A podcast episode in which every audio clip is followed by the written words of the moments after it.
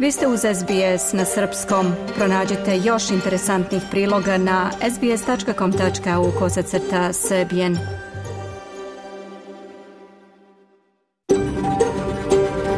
SBS, a world of difference. You're with SBS Serbian on mobile, online and on radio. Vi ste uz SBS na srpskom, na mobilnom, na internetu i na radiju. SBS odaje priznanje tradicionalnim vlasnicima zemlje sa koje danas emitujemo program na srpskom. Ovim izražavamo poštovanje prema narodu Kemrigal i njegovim prošlim i sadašnjim starešinama. Također odajemo priznanje tradicionalnim vlasnicima zemlje i svih aboriđinskih naroda i naroda ostrva Toresovog Moreuza na čijoj zemlji slušate naš program. Dobar dan, danas je četvrtak 8. februar 2024. Ja sam Branko Cvetojević. U današnjem programu posle pregleda vesti čućete izvešta iz Crne Gore, odakle je korejskim vlastima izručen najbliži saradnik takozvanog kralja kriptovaluta. Njih dvojica se terete da su oštetili investitore za preko 40 milijardi američkih dolara. Govorit ćemo i o novom zakonu u Srbiji koji reguliše način upisa nepokretnosti u katastar, a koji je dočekan sa velikim negodovanjem javnosti.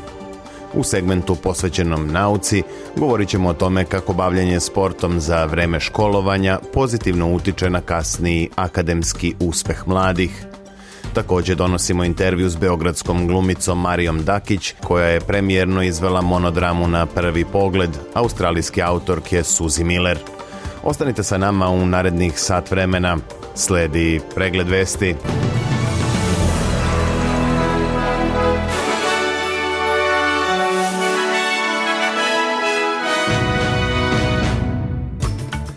Australijska politika mora biti mudrija usled klimatske krize i uspona Kine, kaže se u izveštaju Organizacije za azijsko-pacifički razvoj.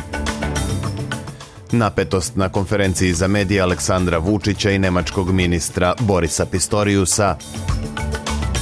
Strpljenje Amerike je pri kraju poručio Jake Sullivan vlastima u Mađarskoj i zatražio da što pre podrže prijem Švedske u NATO.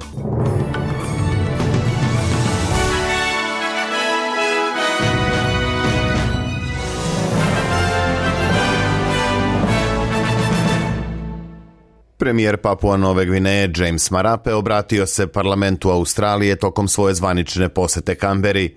U obraćanju istakao zajedničku istoriju dve zemlje, istovremeno naglašavajući značaj buduće saradnje. Papua je stekla nezavisnost od Australije 1975. a Marape je izrazio nadu da će Australija nastaviti da podržava svog najbližeg suseda. I ask you, Molim vas da ne odustajete od Papua Nove Gvineje, kazao je premijer te zemlje i dodao da su se odnosi uvek popravljali posle loših perioda. Nastavit ćemo da rastemo i da učimo iz svih uspona i padova, istakao je Marape, naglašavajući da će njegova zemlja sprovesti strukturne reforme i da će se truditi da poboljša efikasnost svog javnog sektora. Klimatska kriza i uspon Kine trebalo bi da podstaknu Australiju da postane mudrija u državnom upravljanju, navodi se u novom izveštaju Organizacije za azijsko-pacifički razvoj, diplomatiju i dijalog odbrani.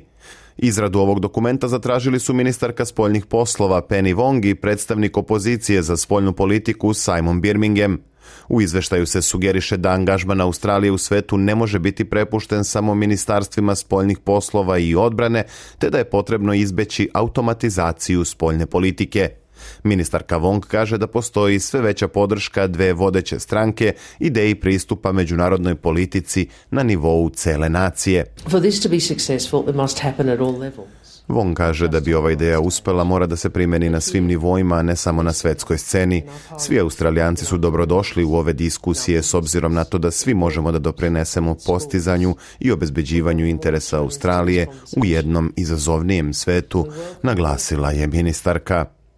Australijska klimatska koalicija mladih okupila se ispred zgrade parlamenta u Kamberi pozivajući saveznu vladu da poveća uticaj na sprečavanje klimatskih promjena – 30 mladih ljudi iz svih država i teritorija govorilo je o tome kako su veliki industrijski projekti i ekstremne vremenske prilike uticali na njihove živote.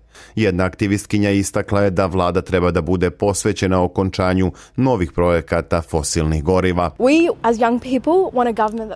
Mi mladi želimo vladu koja je hrabra, također želimo ambicioznu opoziciju koja može da vidi dalje od političkog interesa i da čuva našu budućnost i budućnost onih koji će tek doći na ovaj svet. Skupu mladih ispred parlamenta prisustvovao je i lider stranke zelenih Adam Band. Kolaps Optusove telekomunikacione mreže koji se dogodio prošle godine, a zbog kojeg su milioni korisnika ostali bez telefonskih usluga i pristupa internetu, doveo je do brojnih pritužbi industrijskom kontroloru. Potrošači traže da im Optus isplati kredite, omogući popuste i uputi izvinjenje. Novi podaci pokazuju da je uloženo 14.670 žalbi u periodu između oktobra i decembra prošle godine. To je povećanje od preko 13% u poređenju s prethodnim kvartalom. Međutim, podaci koje je prikupio ombudsman industrije telekomunikacija također pokazuju da je broj pritužbi pao za skoro 18% u poređenju s istim periodom 2022.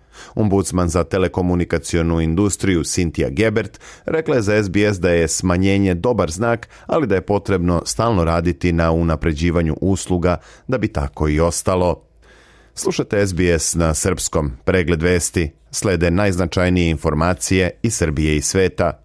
Mir i stabilnost su od presudnog značaja za sve u regionu i Europi, a nestabilnost nikome nije u interesu, naglasili su predsjednik Srbije Aleksandar Vučić i nemački ministar odbrane Boris Pistorius na sastanku u Beogradu.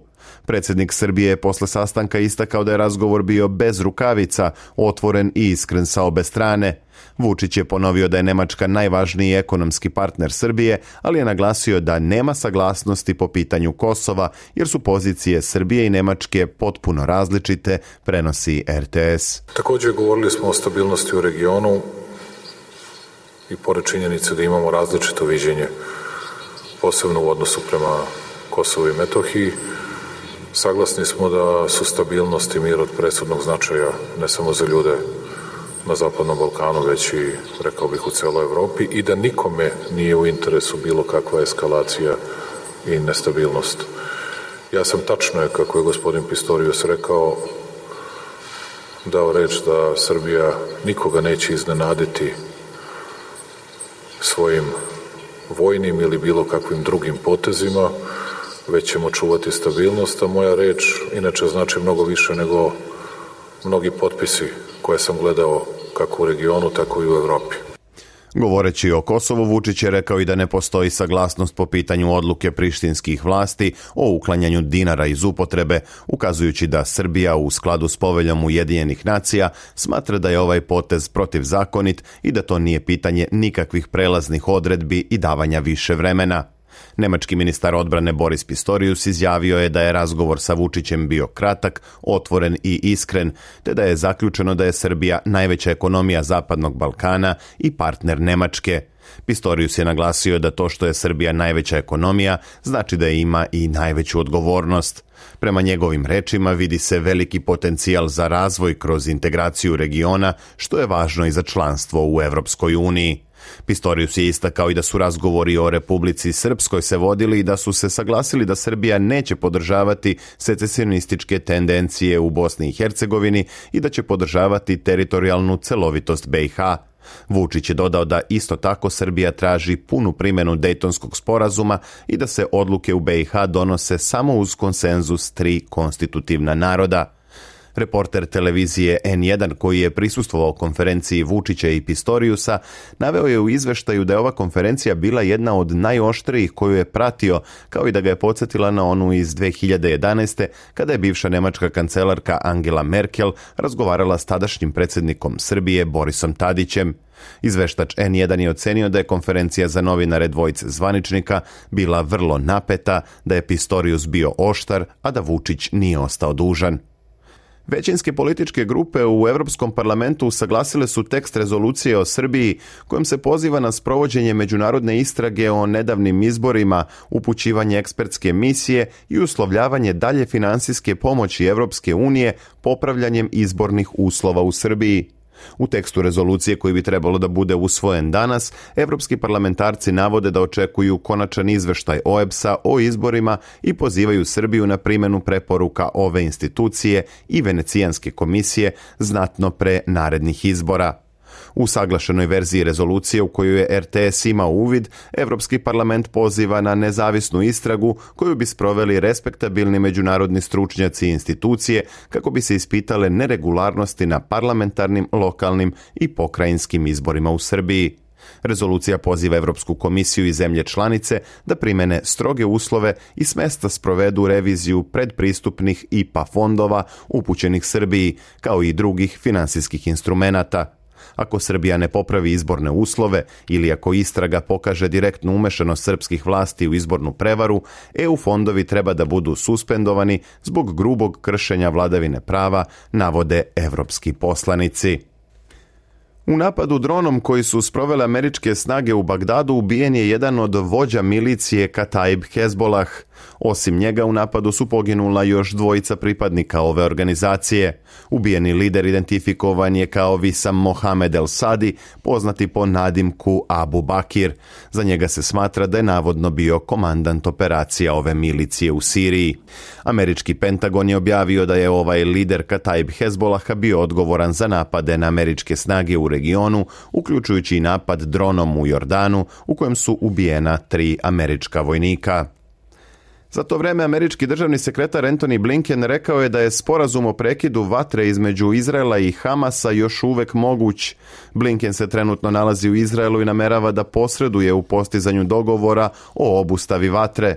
Međutim, izraelski premijer Benjamin Netanjahu odbacio je najnoviji predlog Hamasa o prekidu vojnih dejstava u kojem se predlaže oslobađanje svih izraelskih talaca u zamenu za stotine palestinaca koje je Izrael zatvorio. Netanjahu je najavio borbu do apsolutne pobede koja podrazumeva eliminisanje Hamasa, demilitarizovani pojas Gaze i napad na grad Rafa kao jedan od posljednjih ciljeva. S druge strane, Anthony Blinken je istakao da Hamasov predlog otvara prostor za postizanje sporazuma. We had uh, an opportunity today to discuss with the Imali smo priliku da razgovaramo sa izraelskom vladom o odgovoru koji je Hamas poslao na predlog Sjedinjenih država, Katara i Egipta. Predlog uključuje povratak preostalih talaca kući i produžetak humanitarnog prekida sukoba.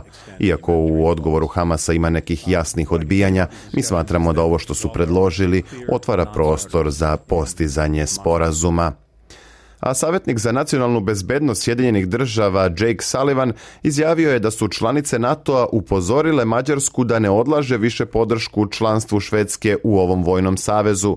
Njegova poruka je usledila nakon što su političari u Mađarskoj bojkotovali hitnu sednicu parlamenta na kojoj je trebalo da se glasa o uvođenju kandidature Švedske za članstvo u NATO na dnevni red. Mađarske vlasti kažu da su švedski političari izneli laži o stanju mađarske demokratije i zatražila je da švedski premijer otputuje u Mađarsku. Američki savjetnik Sullivan istakao je da se strpljenje Sjedinjenih država bliži kraju. Čuli smo više savjetnika za bezbednost kako govore da je prošlo vreme za Švedsku da se direktno obrati Mađarskoj i da im kaže da su oni zaista posljednji koji nisu odobrili. To je stvar kredibiliteta i obaveze da preduzmu neophodne korake kako bi NATO mogao da primi Švedsku kao 32. članicu alijanse, kazao je Sullivan. Na međunarodnom tržištu valuta jedan australijski dolar danas vredi 65 američkih centi, 52 britanska penija i 70 srpskih dinara i 98 para. Od sportskih vesti danas izdvajamo. Vaterpolisti Srbije zabeležili su drugu pobedu na svetskom prvenstvu u Dohi, pošto su ubedljivo savladali Crnu Goru sa 14-6. Najefikasniji u srpskom timu bio je Dušan Mandić sa četiri gola, dok su Đorđe Vučinić, Viktor i Strahinja Rašović postigli po dva pogotka. Ovom pobedom Srbija je došla na korak do direktnog plasmana u četvrt finale, koji garantuje i učešće na olimpijskim igrama u Parizu. U posljednjem kolu takmičenja po grupama, srpski delfini igraju protiv Sjedinjenih država i bit će im dovoljen i nerešen rezultat da zadrže prvo mesto. U slučaju eventualnog poraza, Srbija će kao drugoplasirana igrati u baražu za četvrtfinale. Meč protiv Amerikanaca igra se u petak uveče po australijskom vremenu. Za to vreme vaterpolisti Australije su ostvarili prvi trijumf na prvenstvu sveta pošto su u meču drugog kola savladali Južnu Afriku sa čak 29-7. U drugom duelu iste grupe Španija je nadigrala Hrvatsku 10-6 i učvrstila se na prvoj poziciji. U posljednjem kolu Australija igra upravo protiv Španije, a bez obzira na ishod ovog meča, najverovatnije će se plasman u četvrtfinale morati da traži kroz baraž a u Kataru je u toku i završnica Azijskog kupa u futbalu. U finalu ovog takmičenja sastaće se selekcije domaćina i Jordana, pošto je Katar u drugom polufinalnom meču sinoć savladao reprezentaciju Irana sa 3 prema 2. Domaćin Azijskog kupa tako će u subotu uveče braniti titulu osvojenu na prethodnom prvenstvu, dok Jordan po prvi put igra za zvanje šampiona kontinenta. Australija je završila učešće u Dohi porazom u četvrtfinalu od selekcije Južne Koreje. Evo i vremenske prognoze za petak 9. februar. U Sidneju pretežno sunčano i najviše 26 stepeni, u Melbourneu oblačno i 22, a u Kamberi sunčan dan i 28. U Adelaidu sutra također vedro i maksimalnih 29, u Brisbaneu moguća povremena kiša i 29, a za Perce najavljuje sunčano i veoma toplo, čak 41 stepen. U petak u Darwinu mogući pljuskovi s grmljavinom i najviše 31, a u Hobartu povremeno oblačno i 23. U Srbiji danas sunčan i neuobičajeno topao dan za ovo doba godine, temperatura od 8 do 17 stepeni. Bilo je to sve u pregledu vesti na srpskom jeziku za 8. februar 2024. Za više informacija posjetite sbs.com.au kosacrta news.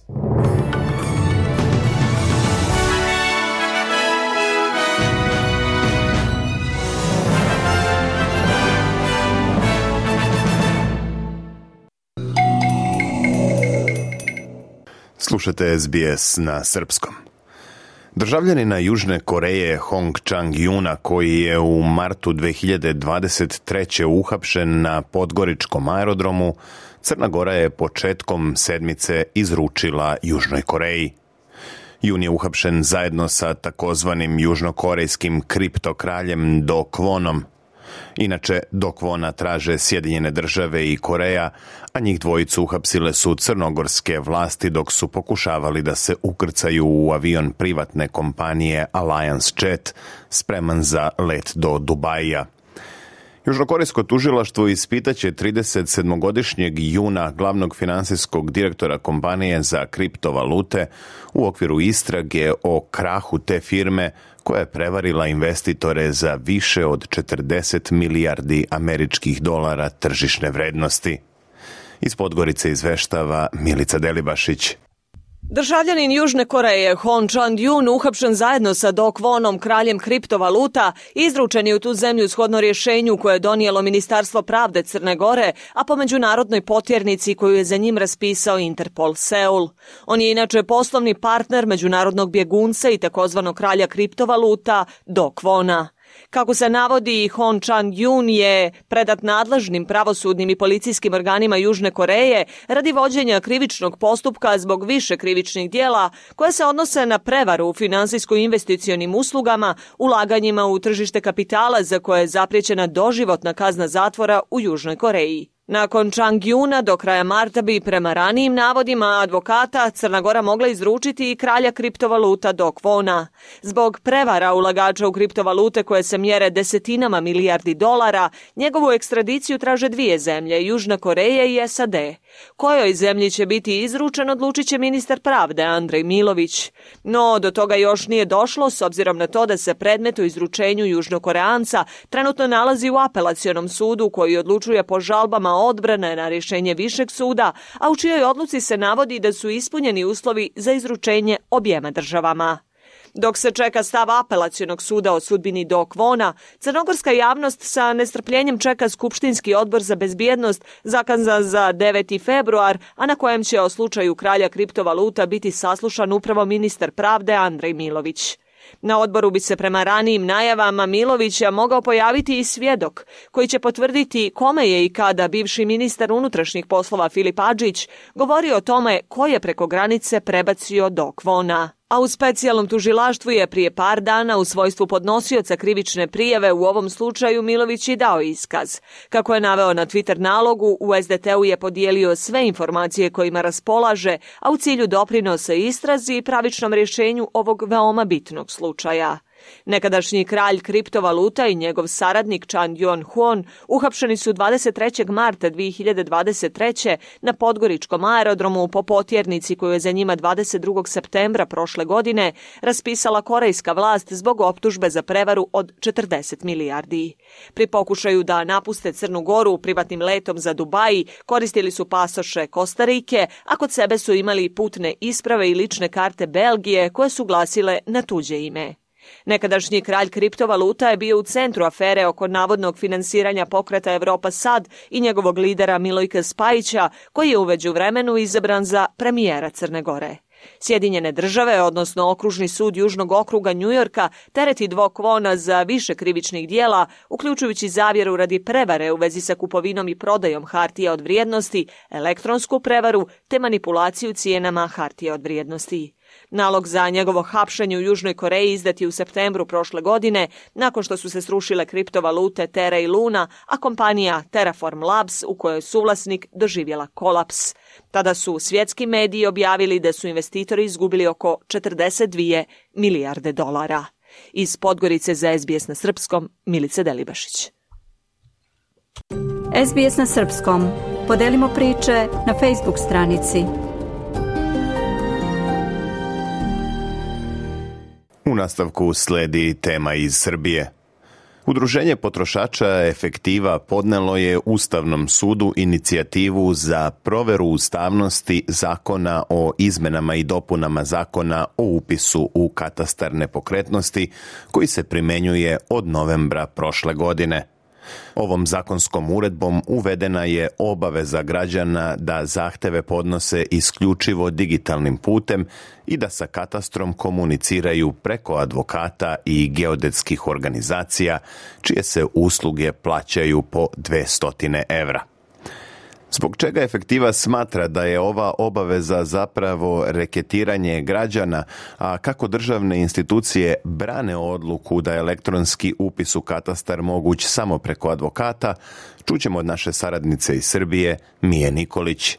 Iz udruženja efektiva podsjećaju da su pred Ustavom i zakonom svi jednaki i da svako ima pravo na jednaku pravnu zaštitu pred sudovima i drugim državnim organima bez diskriminacije. U tom smislu obaveza katastra je da pruži neophodnu pravnu pomoć pravno neukim strankama, čak i da im daje pravna tumačenja. Uvođenjem posrednika i naplatom njihovog angažovanja krše se prethodno navedeni principi, čime se strankama lošijeg materijalnog položaja uskraćuje pravo na pravnu zaštitu pred državnim organom. To znači da onaj ko ima novac može pokušati da reši svoj problem, ako nema njegov problem ostaje nerešiv, što je u suprotnosti sa navedenim ustavnim odredbama navode iz efektive. Kako dodaje upravni organ ne samo da ima obavezu da neposredno komunicira sa građanima i da od njih prima pismene podneske, već i da za razliku od sudova ima jednu obavezu više, da pouči pravno neuke stranke i da vodi računa da njihova pravna neukost ne bude na štetu prava koje im po zakonu pripadaju.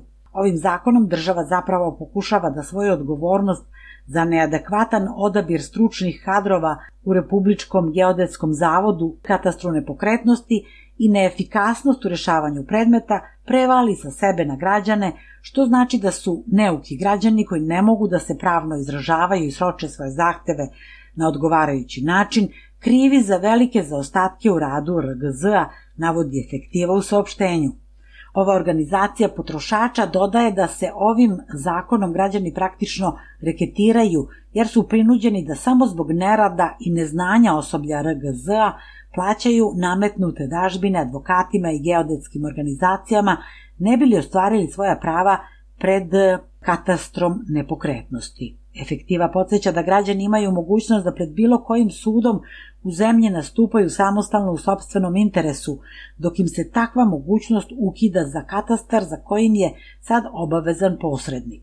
Podsećaju i da je angažovanje advokata u nekom postupku stvar izbora i da nikako ne može biti nametnuto ističu da je čak i njihova inicijativa pred Ustavnim sudom besplatna, čime se pokazuje absurd uvedenih izmena zakona o upisu.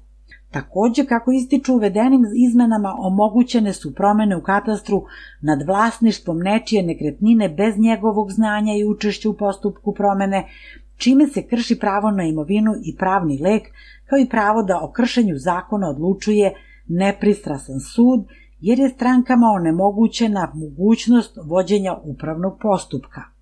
Efektiva posjeća i da je navedenim izmenama ukinuta mogućnost pokretanja prekršajnog postupka protiv službenika katastra zbog nepoštovanja propisanih rokova za rešavanje predmeta u postupku upisa u katastar. U svom odgovoru Udruženju efektiva iz RGZ-a, odnosno iz Republičkog geodetskog zavoda su naveli da njihova saopštenja iznose netačne informacije u vezi sa postupkom, ispravke grešaka u katastru, a prema kojima građani moraju da plaćaju advokatu ukoliko je greška nastala u samom katastru. RGZ naglašava da su tehničke greške u katastru nastale prekucavanjem skoro pa nemoguće i da su na nivou statističke greške. Dodaju da ukoliko do takve greške ipak i dođe, građani imaju mogućnost da reaguju odmah nakon njihovog otkrivanja, potpuno besplatno, pod uslovom da grešku otkriju u roku od 8 dana od njenog nastanka.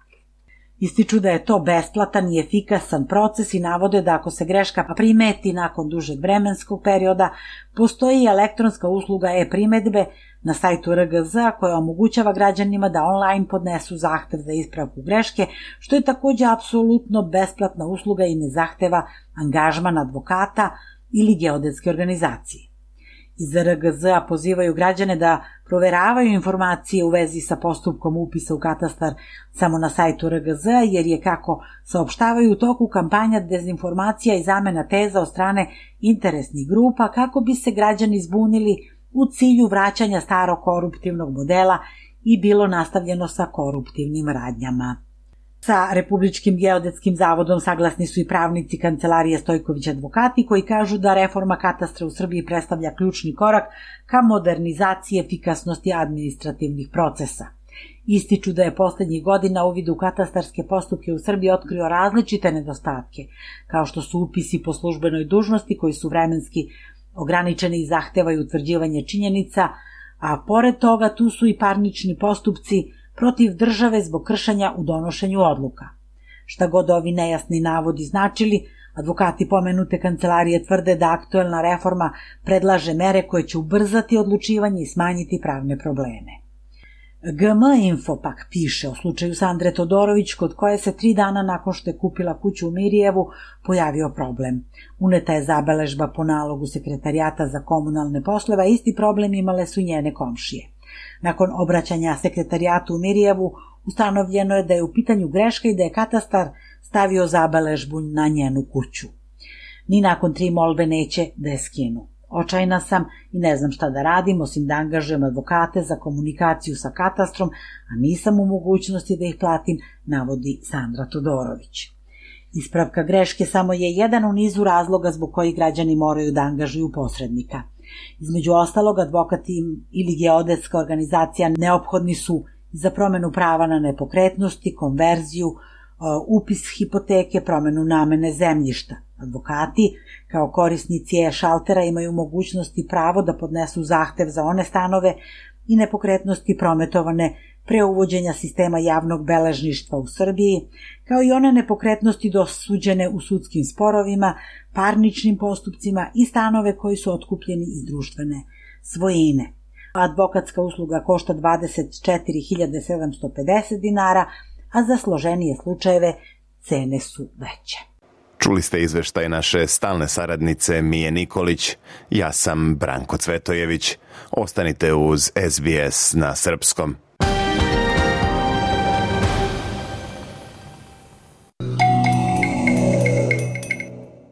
Slušate SBS program na srpskom.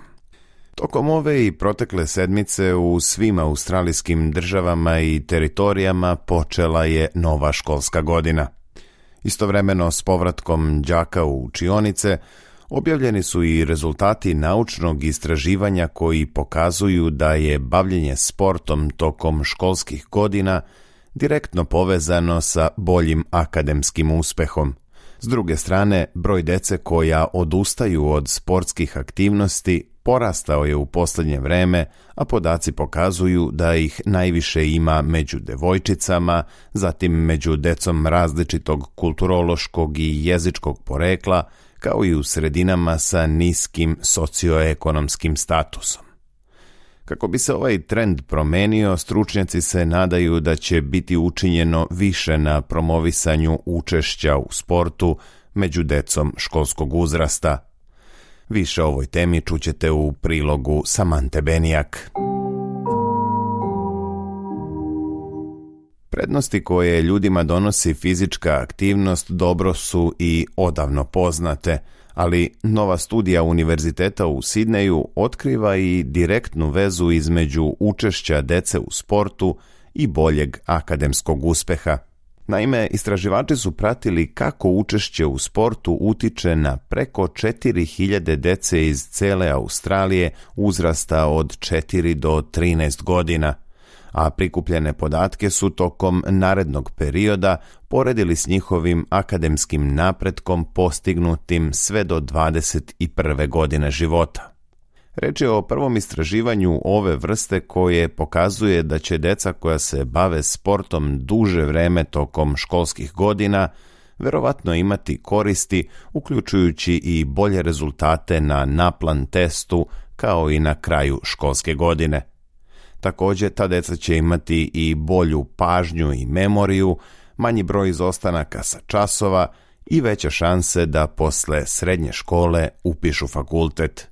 Glavni autor ove studije, dr. Catherine Owen, kaže da rezultati pokazuju koliko je važno da deca učestvuju u sportu. Team sports really builds social connections Oven naglašava da naročito timski sportovi grade čvrste društvene i vršnjačke veze i prijateljstva, kao i snažan osjećaj pripadnosti koji je izuzetno važan za decu. Ona kaže da posebno te akademske koristi o kojima govori studija i dolaze od timskih sportova, pošto su deca koja ih treniraju više motivisana da idu u školu i da provode vreme sa svojim prijateljima. Upravo osjećaj pripadnosti doprinosi tome, kaže dr. Oven. Međutim, ona dodaje da uprkos svim benefitima koje donosi sport, neka deca odustaju od ovih aktivnosti. In our overall analysis we found that 50% of kids Oven kaže da analiza podataka otkriva da 50% dece nastavlja da se bavi sportom tokom celog svog detinjstva, 25% njih napušta sportske aktivnosti tokom školovanja, a još 25% uopšte i ne učestvuje u njima. Istraživači su utvrdili da pre svega deca koja potiču iz oblasti sa niskim socioekonomskim statusom, zatim pripadnici kulturološki i jezički raznolikih zajednica, češće odustaju. Također, devojčice više od dečaka prekidaju da se bave sportom tokom školovanja ili uopšte i ne učestvuju u ovim fizičkim aktivnostima. Centar za multikulturalnu omladinu u Viktoriji vodi sportske programe za mlade iz izbegličkih i migrantskih sredina kako bi izgradili osjećaj pripadnosti i razvili veze u lokalnoj zajednici. Inicijativa ove organizacije i Centra za multikulturalni sport ima za cilj da premosti jaz između sveta sporta s jedne i multikulturalnih zajednica u Australiji s druge strane – a sve to podržavajući organizacije i klubove u nameri da budu inkluzivniji. Sportski menadžer Centra za multikulturalnu omladinu Simon Roder rekao je za SBS News da jednu od prepreka na tom putu predstavlja struktura australijskog sportskog sistema. Roder napominje da neka od te dece dolaze iz zemalja u kojima se sport uglavnom igra neformalno, a onda dođu u zemlju kao što je Australija, gdje da biste ušli u svoj lokalni klub treba da trenirate dva dana nedeljno, morate da platite članarinu čiji deo ide državnom organu i nacionalnom telu. On smatra da je struktura australijskog sportskog sistema rigidna i to posebno prema novim zajednicama koje imaju veće porodice, pa je bavljenje mladih sportom i veći trošak za kućni budžet. Dr. Oven kaže i da se na sportu u nekim porodicama gleda kao na manje važnu aktivnost. For families who speak another language at home, Nekim porodicama koje govore drugi jezik od kuće, sport možda nije prioritet, opterećeni su drugim prioritetima i fokusiraju se na neke druge stvari, a ne toliko na to da li će se njihova deca baviti sportom. Također u nekim kulturama sportske aktivnosti ne igraju važnu ulogu, objašnjava ona. Simon Roder veruje da se može učiniti mnogo više na planu privlačenja više migrantskih zajednica u sportu školama. Njihov prioritet je obrazovanje i mnogi ne vide prednosti sporta, zato smatram da to treba da bude deo obrazovnog procesa u celoj zajednici, čak i u službama za naseljavanje koje također mogu da upoznaju doseljeničke porodice sa prednostima fizičkih aktivnosti, kaže Roder. Jedna od prepreka za mnoge porodice je i novac koji treba da se izdvoji da bi se deca bavila sportom. sport can get very expensive, especially Dr. Catherine Owen kaže da sport može da bude veoma skup, posebno u vreme kada su svi troškovi života u porastu. Sport je tada niže na listi prioriteta za mnoge roditelje i neki zbog toga ispisuju svoju decu sa sportskih aktivnosti, a posebno mlade devojke tada počinju da gube interesovanje za sport. Oven dodaje da devojke naročito žele da se bave sportom iz zabave da bi bile u društvu, a kada počnu da ulaze u adolescenciju, sport na neki način postaje za njih manje društvena i zabavna opcija. Izvršna direktorka Kancelarije za sport Novog Južnog Velsa, Karen Jones, dodaje i da kod mnogih devojaka postoji problem sa fizičkim izgledom tela. Jones kaže da je univerzalna barijera za mnoge žene u svim životnim fazama osjećaj straha ili sramote da vežbaju u javnosti. Upravo taj strah od toga šta će drugi misliti ili reći, glavna je prepreka za devojke jer postoji stigma oko fizičkog izgleda ili možda lično mišljenje o sposobnostima i ispravnim životnim prioritetima, dodaje ona. Kada je reč o zaključcima studije koje je sproveo Univerzitet u Sidneju, a koji naglašavaju specifične prednosti individualnih s jedne i timskih sportova s druge strane, Dr. Catherine Owen kaže sledeće. Istraživanje je utvrdilo da individualni sportovi donose više benefita za rezultate naplan testa pismenosti kao i za ATAR rezultate. S druge strane, timski sportovi su korisniji za kognitivne performanse, kao što su pažnja i pamćenje, a također manja je verovatnoća da će deca koja se bave timskim sportovima izostajati iz škole. Također ova deca u većem procentu završavaju srednju školu, kaže ova naučnica. Kada je reč o ovim razlikama, dr. Oven poručuje roditeljima da je najvažnije od svega da deca uživaju u sportovima koje treniraju, bez obzira na to da li su u pitanju individualne ili timske discipline. there definitely are more benefits to teams Definitivno ima više koristi od timskih sportova, ali izbor sporta treba da zavisi od toga u čemu dete uživa, jer ako ne uživa u tome čime se bavi, neće imati iste koristi za mentalno zdravlje, kaže ona. Stručnjaci se nadaju da će ovakva istraživanja doprineti boljem opštem razumevanju kako obrazovne institucije mogu da se prilagode kako bi promovisale učešće u sportu koji poboljšava fizičko i mentalno zdravlje dece, kao i njihov uspeh u obrazovanju. Također potrebno je učiniti još mnogo toga da bi se bolje razumele nesvesne predrasude u sportu i kako one utiču na zastupljenost migrantskih zajednica u sportskim aktivnostima, kaže Simon Roder iz Centra za multikulturalnu omladinu. We need to reflect our community better. Moramo bolje da odražavamo našu zajednicu i da razumemo da kada se stvaraju bezbedna kulturna okruženja, mnogo toga ima veze s nama, pre svega po pitanju predstave koju imamo oko sportskih klubova ili programa koje vodimo, pokušavajući recimo da smanjimo količinu alkohola koji se služi na tim mestima, stvarajući time okruženje koje je prihvatljivije za različite zajednice, naglašava Roder. Na kraju, najviše toga se svodi na to da je za mlade ljude od vitalnog značaja da budu fizički aktivni, kaže doktor Catherine Owen. Schools making it more of a priority. Zato je značaj škola veliki jer je u njima sport više prioritet i stavlja se veći naglasak na značaj sporta, ali to takođe mora da dolazi i od strane roditelja, čija je podrška i ohrabrivanje dece da se bave sportom od izuzetnog značaja, ističe dr. Oven, a zabeležila je Samantha Benijak iz informativne redakcije SBS-a. Ja sam Branko Cvetojević. Ostanite uz program na srpskom. Slušajte SBS na srpskom, na mobilnom, na internetu i na radiju.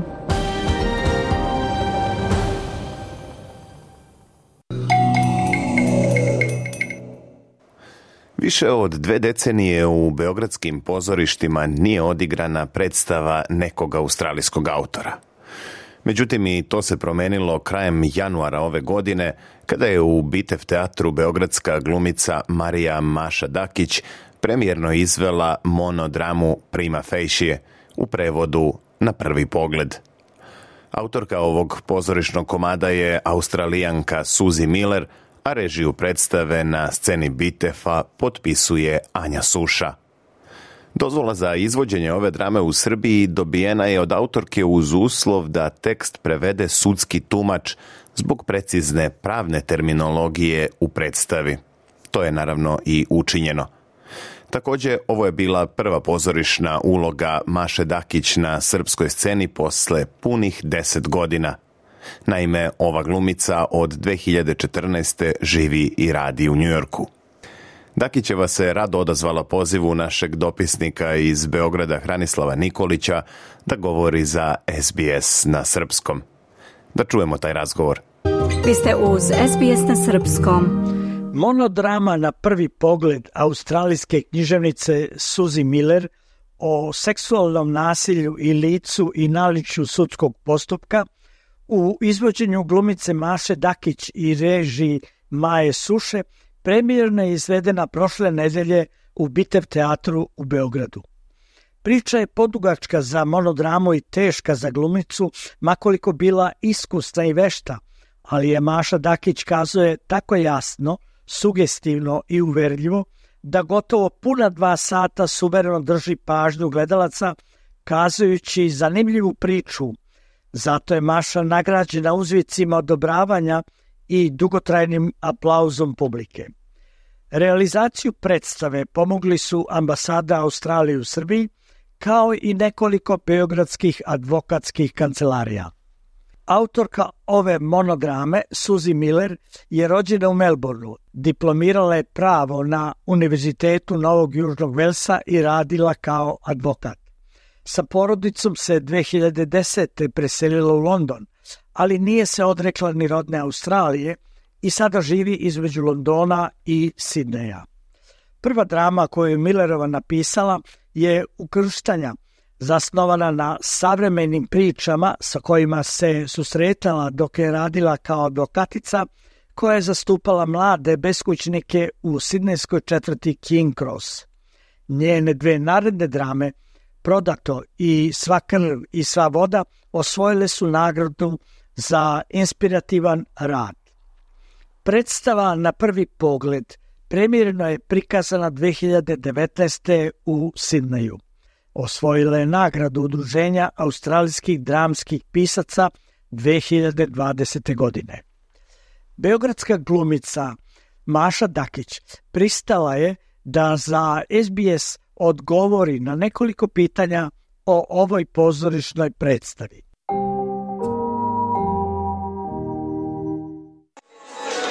Gospođo Dakić, molim vas da slušalcima SBS radija u najkraćem kažete o čemu govori monodrama australijske književnice Suzy Miller. Pa njena drama u najkraćem govori o sudskim procesima koji se bave seksualnim zlostavljanjem. E, dakle, to je u ovom konkretnom slučaju e, govori o jednoj mladoj devojci koja se zove Tessa Ensler, koja je krivičar, advokat krivičar, koji između ostalog i brani e, muškarce koji su okrivljeni za seksualno zlostavljanje. Ono što je zanimljivo za ovaj slučaj jeste da upravo ta devojka veruje u taj sistem pravosudni, veruje u, u svoj posao i prikazan je komad iz zaista ugla koji nismo navikli vezano za ovu temu, dakle iz ugla advokata, iz ugla pravosudnog sistema, načina koji se pristupa žrtvama i tako dalje. Ono što je za ovu dramu opet e, onako jedan uslovno rečeno presedan jeste da se na sredini komada dogodi jedna situacija gde sada ta ista devojka mora da sagleda ceo taj pravosudni sistem iz potpuno jednog drugog ugla, tako da vi u jednom komadu imate faktički dva pristupa dva neka motiva na osnovu kojih mi dalje prosuđujemo kako ćemo i na koji način razmatrati te slučajeve nadalje. Ovdašnji mediji izvestili su posle premijere na prvi pogled da je vaša gluma oduševila publiku. Nagrađeni ste dugotrajnim aplauzom i uzvicima odobravanja. Kako ste vi doživjeli to veče? Pa pre svega hvala vam mnogo što ste eto i to napomenuli na tom komplimentu. E, ovo je jedan vrlo specifičan komad koji e, ima oko 90 kucanih strana, ajde ne onako baš usko kucanih, ali ima vrlo mnogo teksta i ja sam pripremajući se za ovu ulogu čitala intervju i drugih glumica koje su i u Australiji, i u Americi, i Engleskoj igrale ovu predstavu i eto igrom slučaja sve mi, sve devojke koje su radile ovu predstavu su tekst samo učile oko 4 i po, 5 meseci svakodnevnog rada. Dakle, u tom smislu taj neki kako da kažem, podrška ovom komadu na kraju je meni mnogo značila, zato što sam provela minimum e, tri meseca sa mojom kumom, koja je devojka koja uopšte se ne bavi glumom, ona žena se bavi financijama, koja je mene preslišavala, preslišavala u dnevnoj sobi, na metar razdaljine i onda najzad kada sam se ja susrela sa publikom i videla tu reakciju, nekako je ceo taj mukotrpni rad, ne samo moj, nego i celog tima koji je radio na predstavi, dobio svoj puni oblik i drago mi je što su ljudi tako reagovali. Pre svega sigurna sam i znam, jer je i na mene ostavio takav utisak, razlog za takvu reakciju, taj tekst koji zaista na jedan fascinantan način boji priču o ovoj temi i mnogo sam ponosna što imam sreću da igram ovu predstavu. Iz Bitev teatra je ranije saopšteno da ova monodrama ima viši cilj da informiše, opomene i potencijalno dugoročno promeni perspektivu gledanja na slučajeve seksualnog zlostavljanja. Kako vi gledate na ovaj problem i da li očekujete neke promene u smislu zaštite žena? Pa, pre svega definitivno očekujem promene i to je upravo jedna od najvećih motivacionih faktora koji su mene naveli da se upustim u celu ovu ajde da kažem, gotovo jednogodišnju priču, dakle da pripremim ovu predstavu i dovedem je pred publiku u Srbiji. E, takođe, ovo je moj vid podrške svim devojkama koje se već nalaze u sudskim procesima vezano za seksualno zlostavljanje. To je jedna vrlo e, bolna tema i nažalost tema koja je iza svakog ćoška i u samom komadu ispisateljica Suzy Miller upravo govori o tome da svaka treća žena je seksualno zlostavljana. Dakle, e, mi znamo kako to izgleda u novinama, možemo da pročitamo komentare čitalaca posle bilo koje vrste e, objave o nekoj takvoj temi, koliko naše patrijarhalno društvo na neki način ne priznaje uopšte, e, uvek se nekako okrivljuje žrtva, zašto se tako obukla, zašto je došla tamo, kako se ponašala, na ovoj slici se smejala, kako možda se smeješ ako te neko maltretirao i tako dalje. E, upravo o tome govori ovaj komad i upravo o, ovaj, o toj nekoj a priori krivici um, se, se radi i spisateljica baš naročito zato što se bavila advokaturom uspeva da pokaže sve te ćorsokake pravosudnog sistema vezano za ovo, tako da meni je posebno drago što su na predpremijeri i premijeri bili advokati, ljudi iz pravosudnog sistema, dakle stručna lica koja mogu kroz svoj posao nešto fakat da urade, promene. Ja sam čitala intervjue sa ovom baš spisateljicom koja kaže da u Australiji pred punom salom isto tako sudija advokata bio prikazan komad i da je da li jedan, nisam shvatila da li jedna sudinica ili nekoliko njih, su promenili pismo koje daju porotnicima za ovakve slučajeve. Svaki sudija sastavi pismo i onda na neki način uputi porotnike na koji način donose odluku o nekom krivičnom delu.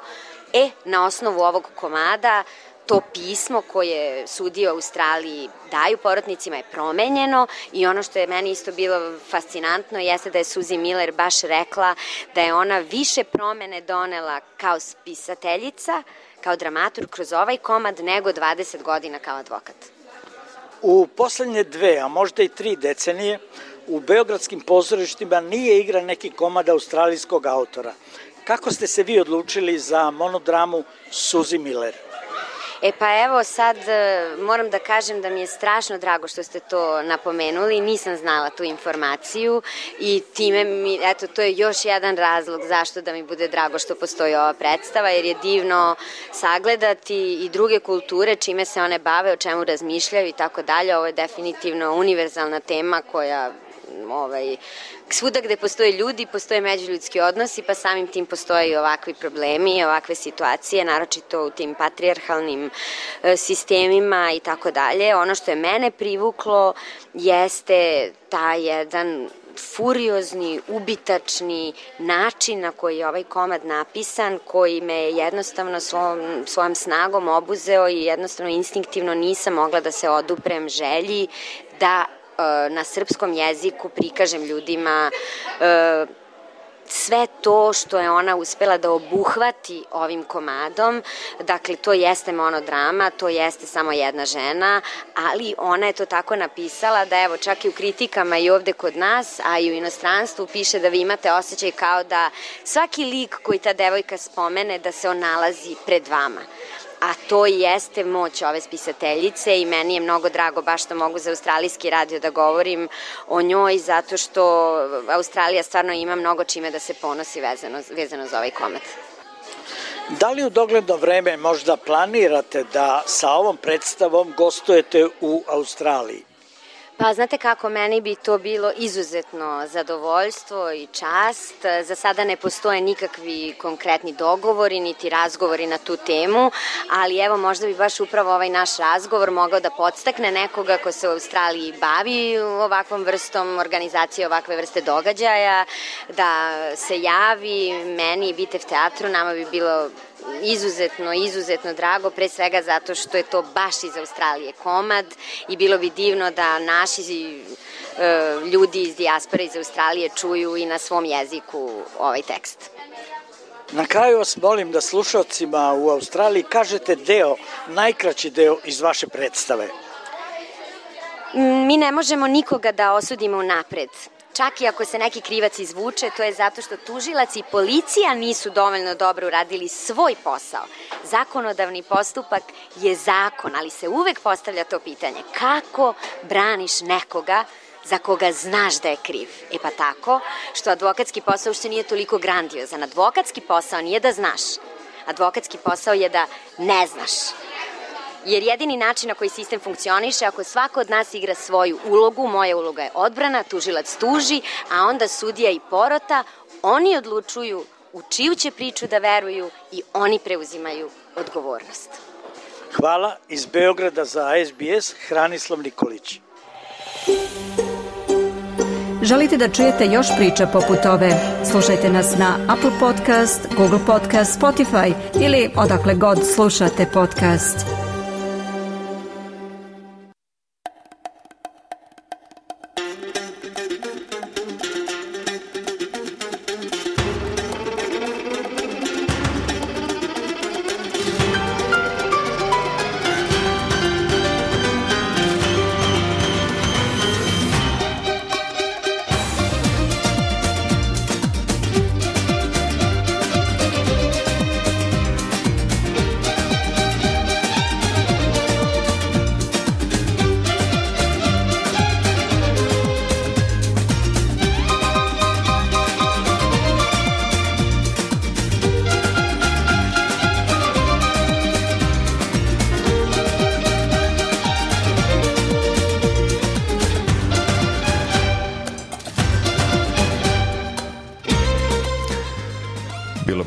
Sve za danas. Narednu emisiju na srpskom jeziku slušajte u subotu 10. februara od 15 časova. Do tada naš program možete pratiti uživo ili na zahtev putem internet stranice sbs.com.au kosacrta Serbian ili na mobilnoj aplikaciji SBS Audio koju možete preuzeti besplatno. Takođe pratite nas na Facebooku gde ćete pronaći najznačajnije informacije, intervjue i reportaže iz našeg programa. Moje ime je Branko Cvetojević. Želim vam prijatan dan i do slušanja.